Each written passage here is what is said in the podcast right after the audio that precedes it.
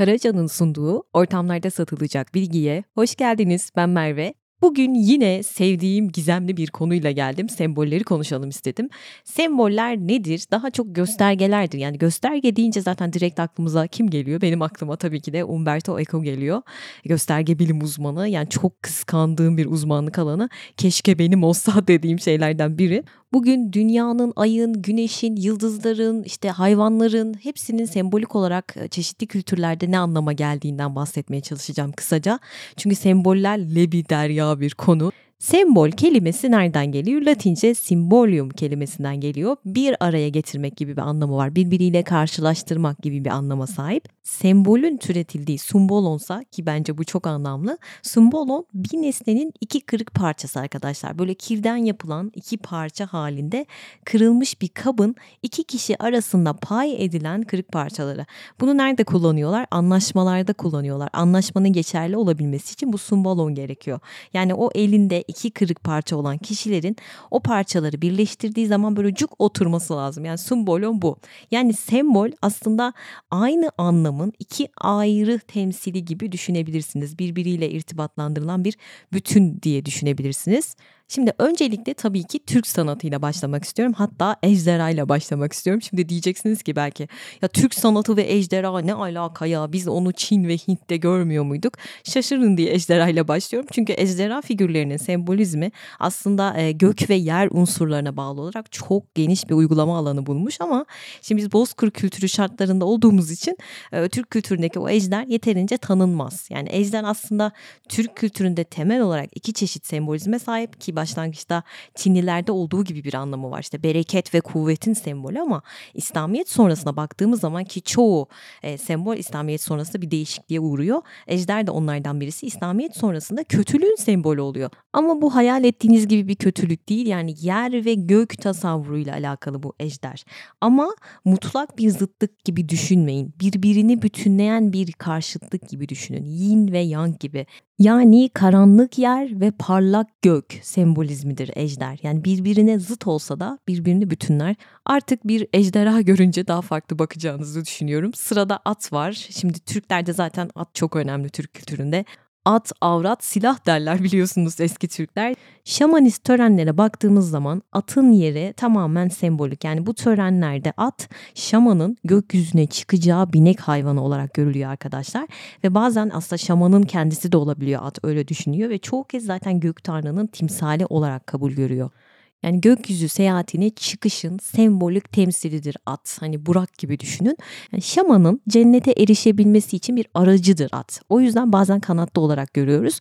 Bir de at zaten Türk mitolojisinde ölümün de mistik bir semboldür. Hani cennetle okey alakası var ama çünkü mistik yolculuk sırasında e, ölünün bedenini taşıdığı, öte aleme geçirdiği düşünülür atın. E, aklıma şu an Orhan Gazi'nin oğlu Rumeli Fatih Süleyman Paşa geldi. Hani öldüğünde atıyla beraber gömülmüştür. Ki Orta Asya Türk geleneğinde bu çok sık karşımıza çıkıştı. Atilla da, Hülagu Han, Kubilay Han, Cengiz Han bunlar hep atıyla beraber gömülmüştür. Yani at gerçekten Türk kültüründe en önemli hayvanların başını çekiyor diyebilirim. Fatih Sultan Mehmet öldüğü zaman atının kuyruğu bağlanmış bir şekilde cenazeye getiriliyor. Şimdi kuyruğu düğümlenmiş attan bahsetmek istiyorum. Çünkü anlamlı bulduğum hadiselerden biri bu kuyruk düğümleme. Ölüme hazırlık demektir. Yani ölümle neticelenebilecek bir savaşa gidilirken işte o mücadeleye girmeden önce yapıyorlar bunu genelde. Ama bazı tasvirlerde göreceksiniz atların kuyruğu daha böyle mücadele savaş esnasında kesilmiş. Bu şekilde görürseniz bu da ölümü kabulleniştir, yenilgiyi kabulleniştir ama aslında bu şamanik bir ritüel. Yani İslamiyet sonrasında da devam ettiğini görüyoruz. Savaş sırasında eğer ki Türk Hakan'ı hayatını kaybederse savaş sonrasında o atın kuyruğu kesilir. Sebebi de yas tutmaktır, yas alametidir. Bu da önemli bir detaydı diye düşünüyorum. Sırada kurt var arkadaşlar. Özellikle de hayvancılıkla geçinenler tabii ki de kurttan çok korkmuşlardır ve ona tabiat üstü güçler atfetmişlerdir. Zaten az sonra kurt adamlara değineceğim. Ama biliyorsunuz ki zaten Türklerin dişi bir kurttan türediğine inanılıyordu bir zamanlar. Meşhur Bozkurt destanımız yani Türklerin kutsal hayvanıdır. Yol göstericidir. O yüzden Türklerin ulusal sembolüdür ki Cumhuriyet'in ilk dönemlerine bakacak olursanız Türk parasının üzerinde Bozkurt kullanılmıştır. Atatürk ulusal sembol olarak kullanmıştır bozkurtu. Hatta CHP'nin ambleminde de bozkurt vardır en başlarda. Daha sonra İsmet İnönü bunu değiştiriyor. Posta pulumuz Bozkurt, e, Atatürk'ün yazdırdığı marşın adı Bozkurt, Atatürk'ün dış basındaki ünvanı zaten Bozkurt. Nazım Hikmet'in şiirini hatırlayın diyordu ya sarışın bir kurda benziyordu ve mavi gözleri çakmak çakmaktı. Yani arkadaşlar kurt ile ilgili zamanla gelişen o hayvan ata kavramı devlet, hükümdarlık gibi unsurların da sembolü oluyor. Kurt Türk mitolojisinde göksel unsurların alameti yani gök kurtu anımsayın. Buna bağlı olarak da aydınlığın sembolüdür, biçim değiştirmenin sembolüdür. Aslında tanrısal bir konumu var ama İslamiyet sonrası tek tanrılı dine geçişle beraber sadece yiğitlik ve güç sembolü olarak kalmıştır. Aslan sembolü arkadaşlar. Bu da Türk sanatına Budizmle beraber giriyor ve Selçuklu sanatında görülmeye başlanıyor. Güneşin, aydınlığın, işte iyiliğin, gücün, üstünlüğün temsilidir, simgesidir. Hükümdarlığın simgesidir ki kudret sembolü olduğu için saraylara konulur, işte kalelere, şehrin giriş kapılarına aslan konur ki hani düşmandan korunma amaçlı kullanılır. Peki kaplan ne Merve dediniz şu an eminim. Kaplanlar da eski Türk kabilelerinin alplerinin en eski tözlerinden biri. Aynı Çin'deki anlamını koruyor bize geldiği zaman da güç ve iyiliğin sembolü, tahtın sembolüdür.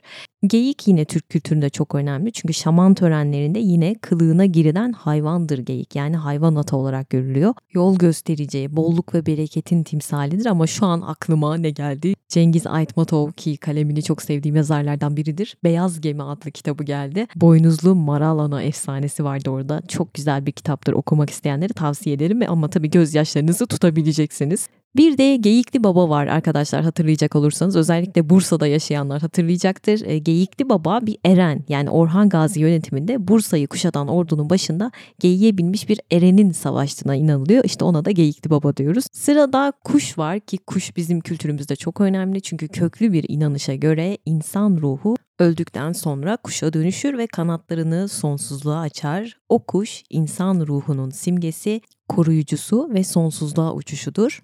Kuşlar genellikle göklerin işte ruhsal yükselişin, yüksek şuur hallerine geçişidir. Yani ortamdaki yükselişin o dünyadan uzaklaşmanın vermiş olduğu hafiflik, işte semavilik, sezgi, ilham, reenkarnasyon, ruhun ebediliği, gök ile yer arasındaki irtibat bunların sembolüdür kuş. O yüzden bizim kültürümüzde çok önemli.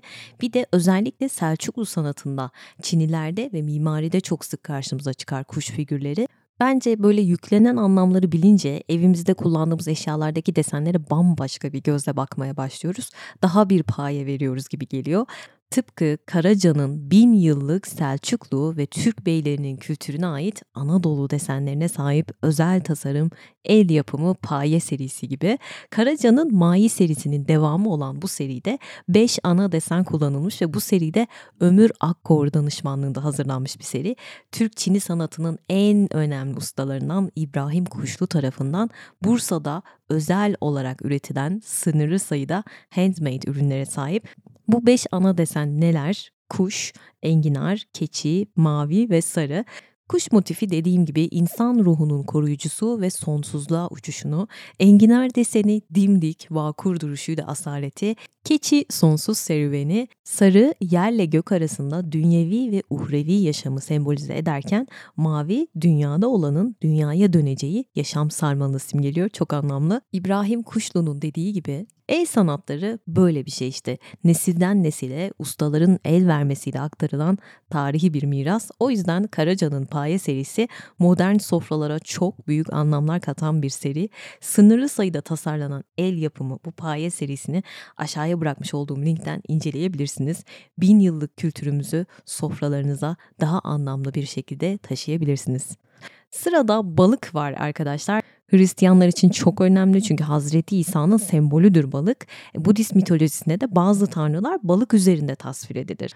Altay yaratılış destanında balık tıpkı böyle Hint mitolojisinde olduğu gibi dünyanın yaratılışı ve düzenin sağlanmasıyla ilgili böyle çok önemli bir görevi üstlenmiş durumdadır. Şöyle ki Efsaneye göre her yer uçsuz bucaksız bir su birikintisi halindeyken Tanrı Ülgen e, biçim değiştirmiş bir biçimde suların üzerinde uçmaktadır ve konacak bir yer bulamaz Tanrı Ülgen ve bu esnada Ülgen'in gönlüne bir ilham gelir. İşte 6 aylarca kabul edilen iki dişi ruhtan birisi olan Ak ana ülgene yaratma kudretini ve ilhamını verir. Bu arada Akana tanrısal böyle iki dişli ruhtan biridir. Böyle boynuzları olan ve belden aşağısı balık şeklinde olan böyle deniz kızı gibi bir şey Akana Anadolu ırmak tanrıçası. Şimdi bu efsanede dünyanın altındaki balıkların aslında dünyanın dengesini sağladığı düşünülmüş. Yani balık dünyayı taşıyor, dengede tutuyor gibi düşünmüşler. Balık bizde de Hint mitolojisinde olduğu gibi insanın yaratılışının, işte hayatın yeniden doğuşunun, üremenin, bolluk ve bereketin simgesi arkadaşlar. Madem efsanelere girdim, Hint mitolojisindeki tufan efsanesine de değinmek isterim. Bu efsane mitolojik ilk insan Manu'nun kızı Ida adına. Şöyle, sabahleyin Manu'ya ellerini yıkaması için bir su getiriyorlar ve ellerini yıkarken bir balık geliyor eline. Balık Manu'ya diyor ki, eğer diyor beni doyurursan seni korurum.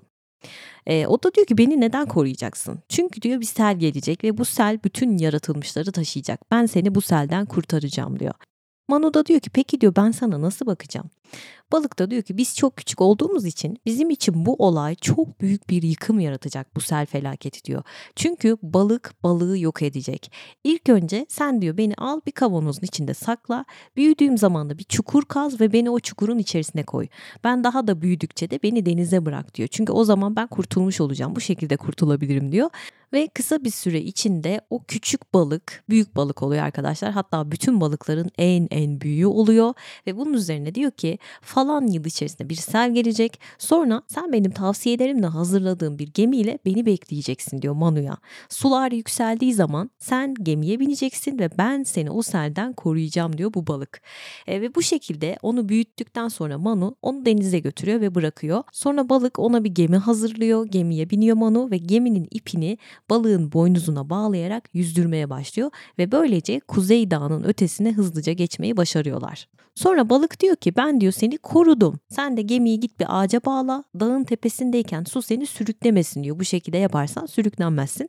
Ve sonra bütün yaratıklar sele kapılıyor ve sadece Manu hayatta kalıyor. Bir de meşhur Mahabharata var biliyorsunuz. Hintlilerin ulusal destanı Mahabharata. Orada da şöyle bir hikaye geçiyor. Yine Manu bu hikayenin baş kahramanı. Manu Hünnap Ağacı ormanında bin yıldan fazla bir süredir çok zor ve sert bir çile hayatı sürüyor arkadaşlar. Bir gün Şirini kıyılarına yaklaşan bir balık elbisesini ıslatarak ona şöyle diyor. Saygıdeğer efendim ben diyor zavallı küçücük bir balığım. Büyük balıklardan çok korkuyorum. Bu yüzden lütfen beni onlardan koruyun. Ben de sizin bu iyiliğinizi bir şekilde ödüllendireceğim diyor. Ve balığın bu sözleri üzerine Manu merhamet ediyor ve elleriyle balığı sudan çıkarıyor. Ve sudan çıkardığında görüyor ki balığın vücudu böyle ışıl ışıl, ay ışığı gibi böyle. Onu topraktan bir kabın içerisine koyuyor ve Manu onunla tıpkı bir çocuk gibi ilgilenmeye başlıyor bu balıkla. Bir müddet sonra bu balık o kadar çok büyüyor ki kabına sığmaz oluyor. Bu toprak kabın içerisine sığmıyor. Ve bunun üzerine Manu'dan diyor ki beni diyor daha geniş bir yere geçirmen gerekiyor. Bunu istiyor. Manu da öyle yapıyor tabii ama bir müddet sonra balık bu geniş yerde de rahat edemiyor ve Manu'ya diyor ki beni diyor Ganj nehrine bırak. Ganj nehri biliyorsunuz Hindistan'ın kutsal nehri ve Manu balığı Ganj nehrine bırakıyor. Ama balık orada da çok kısa bir süre içerisinde büyüyor ve bu defa balık Manu'dan kendisini denize bırakmasını istiyor. Ve Manu o büyük balığı büyük bedenine karşın çok kolay bir şekilde taşıyarak denize bırakmayı başarıyor. Ve denize bırakılan Manu ona şöyle söylüyor. Ey şanslı insan beni çok özenli bir şekilde korudun. Şimdi de beni çok dikkatli bir şekilde dinle. Zamanı geldiği zaman senin için bir şey yapacağım. Dünya yakında karanlığa boğulacak. Büyük ve sağlam bir gemi yapman gerekiyor ve bu gemiyi uzun iplerle bağlaman gerekiyor ve yedi ermişle beraber bu geminin üzerine çıkman gerekiyor. İşte eski zamanlarda var olan ve Brahmanalarda adı geçen birçok tohumu da lütfen yanına al diyor. Ve onları çok dikkatli bir şekilde koru bu tohumları. Beni orada bekle diyor. Ben diyor sana boynuzlu bir balık olarak görüneceğim ve sen beni bu şekilde tanıyacaksın diyor. Sonra gidiyor ve diyor ki giderken de benim dediklerimi yerine getir. Çünkü sen benim yardımım olmadan bu selden asla kurtulamazsın diyor. Ve balık böyle söyledikten sonra çekip gidiyor. Ve daha sonra tabii fırtına kopuyor ve balık söylediği bir şekilde görünüyor. Ve Manu balığın başının üstüne kement gibi bir ip atarak gemisini bağlamayı başarıyor. Ve balık gemiyi büyük bir güçle tuzlu suda çekmeye başlıyor. Dünya işte böyle bir selle boğuşurken sadece Manu 7 ermiş ve balık görünüyor denizin içerisinde. Balık çok büyük bir dikkat ve çok büyük bir sabırla gemiyi selde çekiyor ve sonunda gemiyi Himavat Dağı'nın zirvesine getiriyor arkadaşlar. Sonra balık ermişlere dönüp şöyle söylüyor. Ben diyor bütün yaratılmışların efendisi olan Tanrı Brahma'yım. Aslında o balık Tanrıymış ve benden daha büyük ve kuvvetli yoktur. Sizlere balık formunda göründüm ve size afetten korudum diyor ve Manu tekrar bütün canlıları yaratacak dedikten sonra bu balık ortadan kayboluyor. O yüzden Hint mitolojisinde balık çok çok önemli bir figürdür arkadaşlar. Dünyanın yaratılışıyla ilgili. O zaman madem dünya dedim kozmostan devam edelim. Daha evrensel sembollere geçiyoruz artık. Ama dediğim gibi semboller konusu çok geniş. Bugün sadece bir kısmını ele alacağım. Şöyle ki şimdi geçmiş çağlarda insanlar evrenin hareketlerine bakarak onun doğal ritmine ilişkin hep bir görüş geliştirdiler. İki gün önce Maya Uygarlı podcast'i yapmıştım. Sürekli böyle göğü izleyip nasıl kusursuz bir takvim geliştirdiklerini anlatmıştım. Bence güneş, işte ay, yıldızlar bunlar yapay ışıkların keşfinden önce tabii ki insanoğlu için daha anlamlıydı. Yani onları tanrılaştırmaları, onlara bir kutsiyet atfetmelerinin bir sürü sebebi var. Onlara adaklar adıyorlar, çeşitli ritüeller yapıyorlar ama dediğim gibi nedensiz değil hiçbir şey. Ne zaman doğal bir afet yaşansa, kuraklık, sel, deprem bunları hep tanrıların gazabı olarak nitelendiriyorlar. E tabii bolluk bereket de aynı şekilde. Yani arkadaşlar kozmik sembolizm elbette ki ve elbette ki din ile yakın temasta ama bu bölgelere göre, kültürlere göre değişebiliyor. Örnek ver Merve. Mesela güneş ilahi gücün evrensel bir simgesi ve dinler tarihinde genelde gökyüzü tanrısal bir mesken olarak görülür. Ama mesela ateş Budizm'de cehaleti ortadan kaldıran bir bilgeliktir. E, su bir arınma simgesidir Hindular ve Hristiyanlar için ki erken dönemlerde bilim kozmosun dört ana elementi olan toprak, ateş, su, hava yani tahta esprisi yapmadan duramayacağım kusura bakmayın. bu arada daha önce astroloji ve Hazreti İsa podcast yapmıştım. Orada da değindim diye hatırlıyorum bu elementleri ufaktan. Şöyle ki hava ile ateş sembolik olarak eril ve aktif diyebilirim. Toprakla su dişil ve pasif görülüyor diyebilirim. Ve bu elementler arası denge kozmik ahengin temsili sayılıyor arkadaşlar. O zaman güneşle devam edelim. Şöyle şimdi aslında kendimizi biz böyle eski çağlarda yaşıyormuş gibi hayal etsek ve sürekli güneşi gözlemlesek muhtemelen biz de güneşe benzer anlamlar yüklerdik yani ilk insanlar gibi. Her şeyin büyümesini sağladığını görürdük. Sıcaklık kaynağımız olduğunu, ışık kaynağımız yani aydınlık, aydınlanma anlamları yüklerdik. Şimdi kimi geleneklerde güneş evrensel babadır. Doğması ve batması. Doğum, ölüm ve dirilişin sembolüdür. Pantakrotor İsa'yı anımsayın. Hazreti İsa dünyanın başındaki o ışık huzmesini anlatmıştım size. Güneş halesini. Yani Hazreti İsa da güneşle özdeşleştirilmiş bir karakter. Güneş genelde eril olarak görülüyor arkadaşlar. Koruyan, kollayan bir baba gibi meşhur güneş tanrıları da erkektir biliyorsunuz ki mesela Apollon Yunan tanrısı altın saçlı enerjik genç.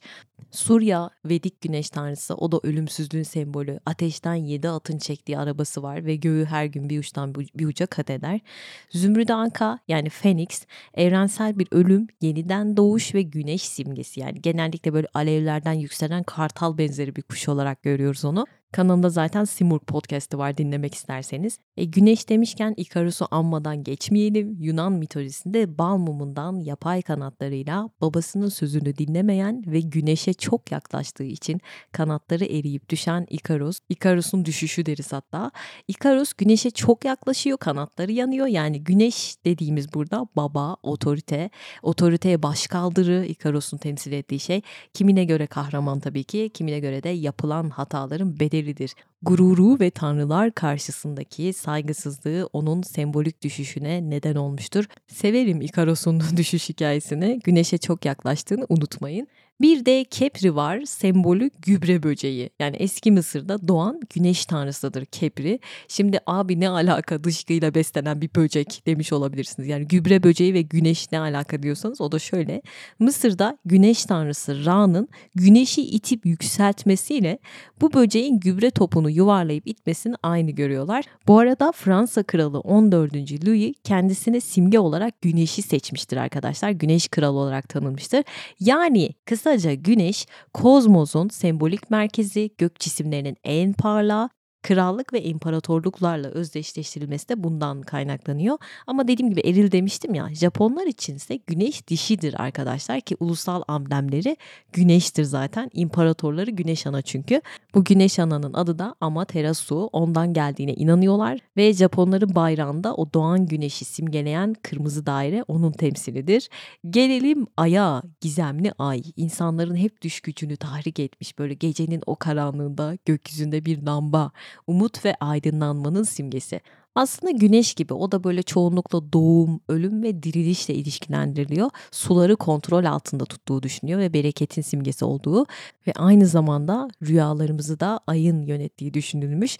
Ayın karanlık yüzü ise büyücülükle ilgili arkadaşlar. Peki büyücü kim? Cadı. Yani kadın aynı zamanda zaten ayla temsil edilir. Hilal, ay, dolunay, karanlık ay bakire kız, doğurgan kadın, menopoz dönemindeki kadın bu cadı oluyor işte. Zaten bunları detaylı podcast gelecek. Peki ay tutulması ne Merve? O da şöyle ki dünyanın her yerinde efsanelere sebep olan bir gökyüzü olayı ay tutulması. Felaket tellahı gibi görülüyor. Yani ay tutulunca hemen bunun bir hükümdarın ölümünün haberi olacağını düşünmüşler ya da bir doğal afet beklemişler. Yani ay deyince ilk akla gelen şeylerden biri de Meryem Ana tabii ki Bakire Meryem. Çünkü ay dediğim gibi kadınlık evrelerinin temsili. Bir de ay tutulması var tabii onu unutmayalım. Ay tutulması da dünyanın her yerinde efsanelere sebep olan bir gökyüzü olayı. Ama genelde böyle felaket tellahı gibi görülmüş. Yani ay tutulduğu zaman ya işte hükümdarımız ölecek ya da doğal bir afetle karşılaşacağız diye düşünmüşler. E Merve ay deyince benim aklıma kurt adam geldi diyenler yalnız değilsiniz. Yani bu biçim değiştirenler zaten çoğu kültürde var. Özellikle de dolunay sırasında böyle vahşi hayvanlara dönüşme öyküleri görüyoruz. Bu hikayeler sembolik olarak ayın karanlık yüzüne yani az önce dediğim gibi büyüyle alakalı, büyü ilişkisine bağlanabilir insanın çok kolaylıkla hayvani içgüdülerinin egemenliğine girmesinden duyulan korkuyu yansıtır aslında bu. Aklıma şu an Salvador Dali ile Buñuel Psycho'sunun filmi geldi. Bir Endülüs köpeği. Hatırlıyor musunuz? Balkondan böyle adam dışarı bakıyordu ve bir anda hayvani içgüdüleri böyle dolunayla beraber aktive oluyordu. Kurt adam deyince o sahne geldi aklıma. Şimdi buradaki irade dışı şekil değiştirme aslında tutsaklığı simgeliyor kurt adam olayındaki. İradi dönüşümse özgürleşmeyi temsil ediyor. Kurt adam Avrupa'da yaygın bir motif ama başka yerlerde de biçim değiştiriciler görüyoruz. Jaguar adam, kaplan adam, tilki adam, porsuk adam var da var. Bir de şamanlarla cadılara insanlar ve ruhlar alemi arasında yolculuk ettikleri için biçim değiştirme güçleri atfedilmiştir. Sırada ne var? Gezegenler var ki ilk astronomlar güneş ve ayın yanı sıra gökyüzüne baktıkları zaman çıplak gözle seçilebilen 5 küçük hareketli ışık daha bulunduğunu fark ediyorlar ve bunlara gezginler adını veriyorlar. Gezegenler eşittir gezginler. Çok hoşuma gitti bu. İşte bu gezegenlere de isim olarak ne diyorlar? Eski Roma tanrılarının isimlerini veriyorlar.